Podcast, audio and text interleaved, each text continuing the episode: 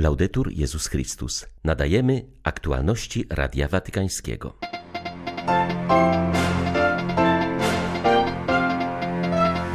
Kilka minut przed godziną dziesiątą papież przybył na Węgry. Rozpoczęła się 41. wizyta apostolska obecnego pontyfikatu.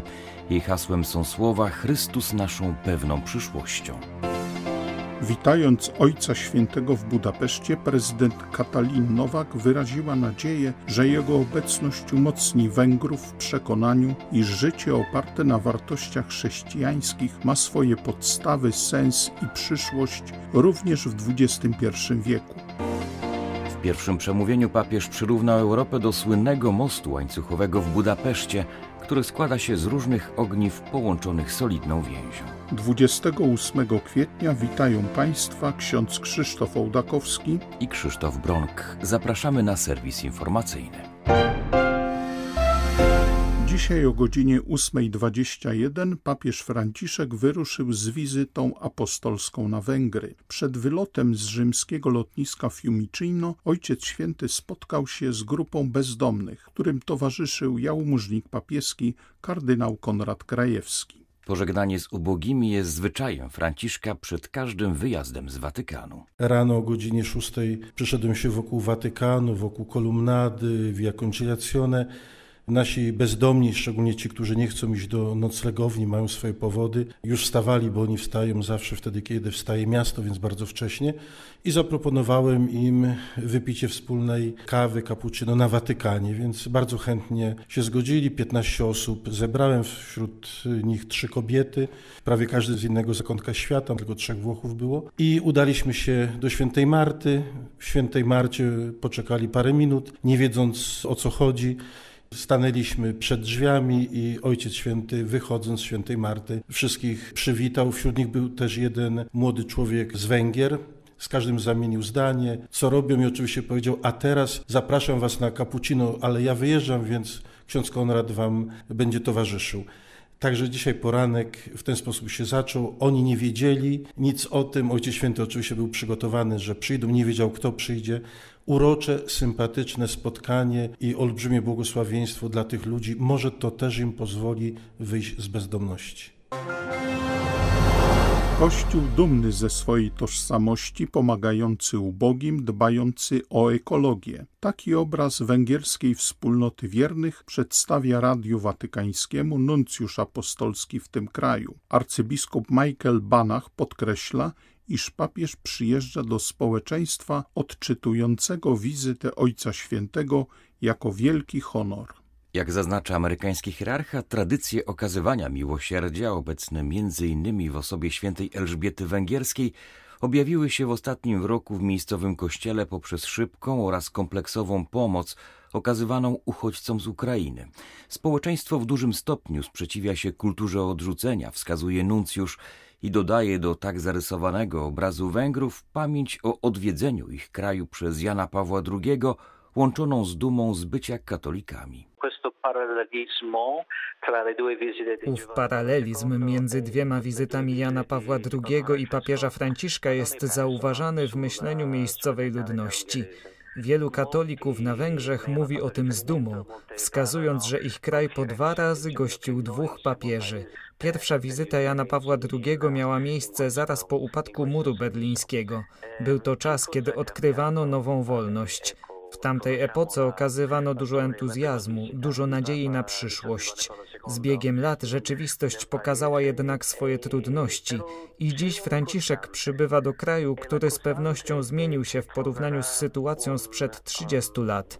Węgry też są bardziej rozwinięte dzięki reformom gospodarczym. Istnieje jednak jedna stała. Ojciec Święty spotka tutaj wspólnotę wiernych dumną z bycia katolikami, z bycia w komunii z papieżem i z okazywania mu takich emocji oraz doświadczeń.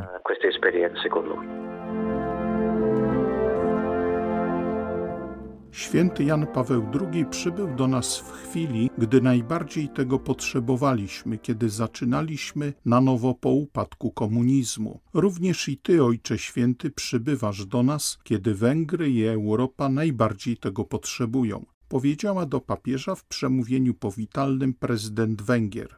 Wyraziła nadzieję, że obecność papieża umocni Węgrów w przekonaniu, że życie oparte na wartościach chrześcijańskich ma swoje podstawy, sens i przyszłość również w XXI wieku.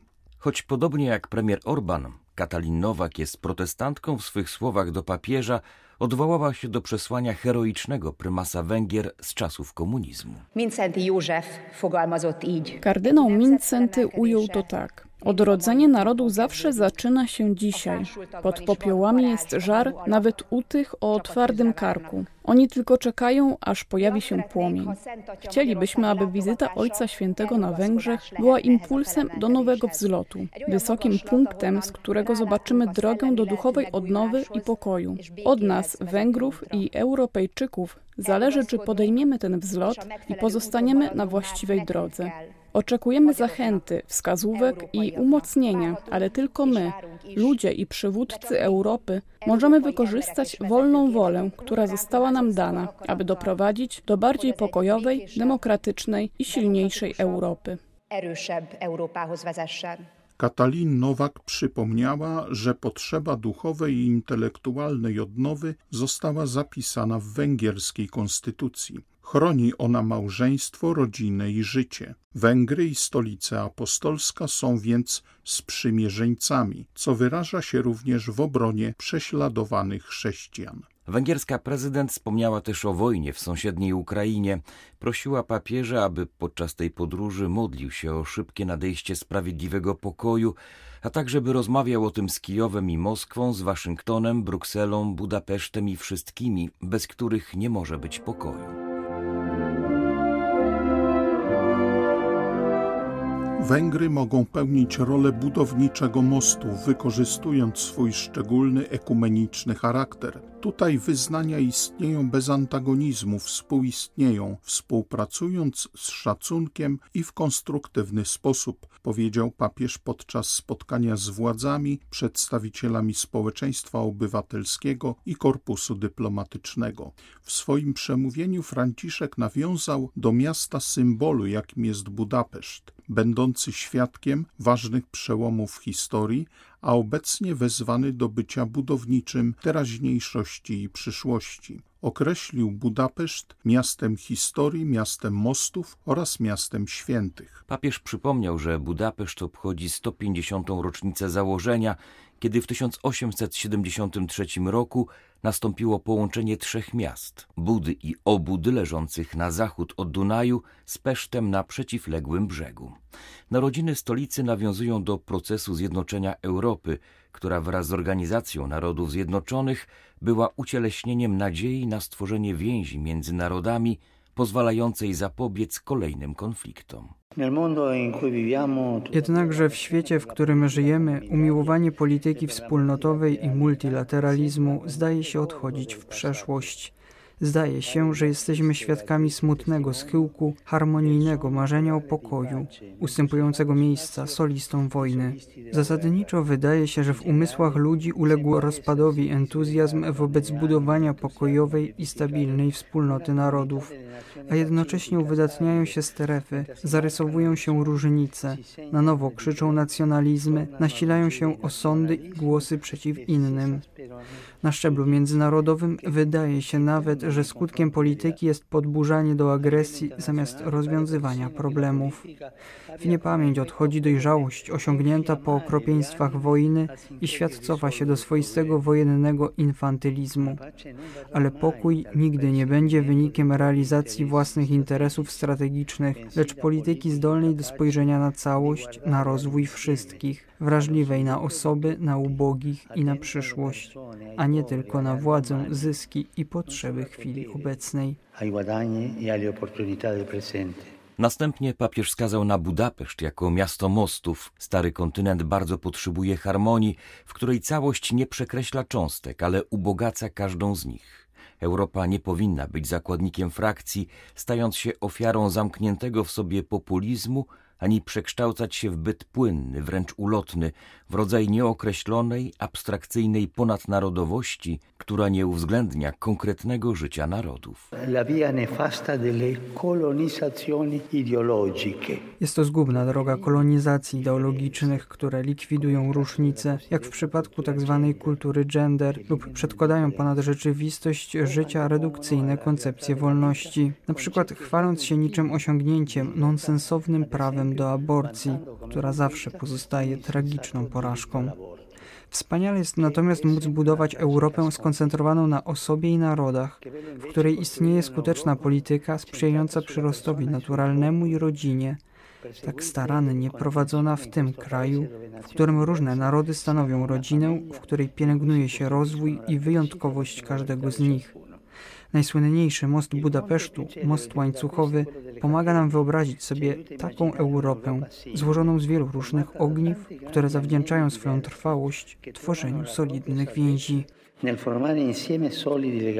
Następnie Ojciec Święty wskazał na Budapeszt jako miasto świętych. Wymienił na początku świętego Stefana, pierwszego króla Węgier. Jego przykład pokazuje, że o wartościach chrześcijańskich nie można świadczyć przez rygoryzm i zamknięcie, ponieważ prawda Chrystusa zakłada łagodność i uprzejmość w duchu ośmiu błogosławieństw.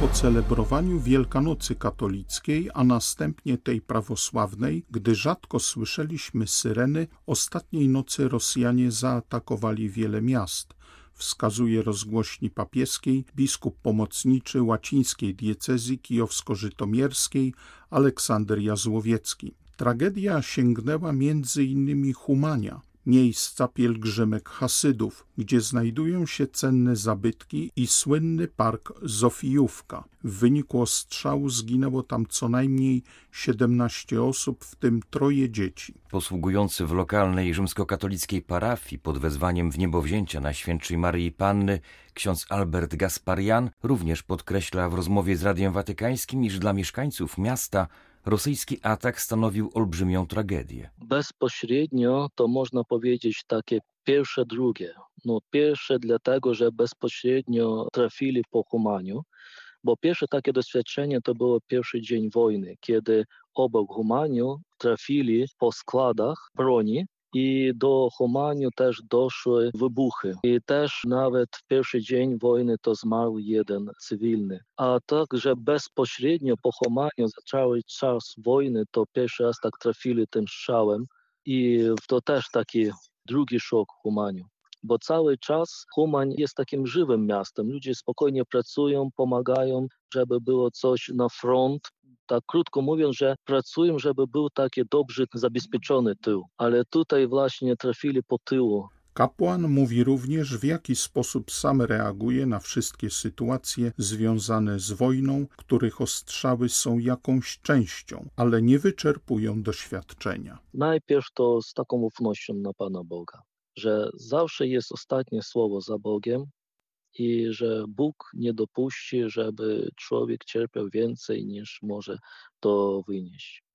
Ufam na Pana Boga, tak szczerze mówiąc, rano, kiedy był ten wybuch, to zrobiłem sobie rachunek sumienia, bo może to będzie no, ostatni ranek mojego życia tutaj na ziemi, to żeby być przygotowanym. No. tak. No i tak staramy się, żeby być przygotowanymi, być w pojednaniu z Bogiem, jedności z Bogiem, bo wiemy, że Bóg nam pomoże pokonać to zło i właśnie pomóc ludziom, którzy byli skrzywdzeni przez wojnę. Były to aktualności Radia Watykańskiego. Laudetur Jezus Chrystus.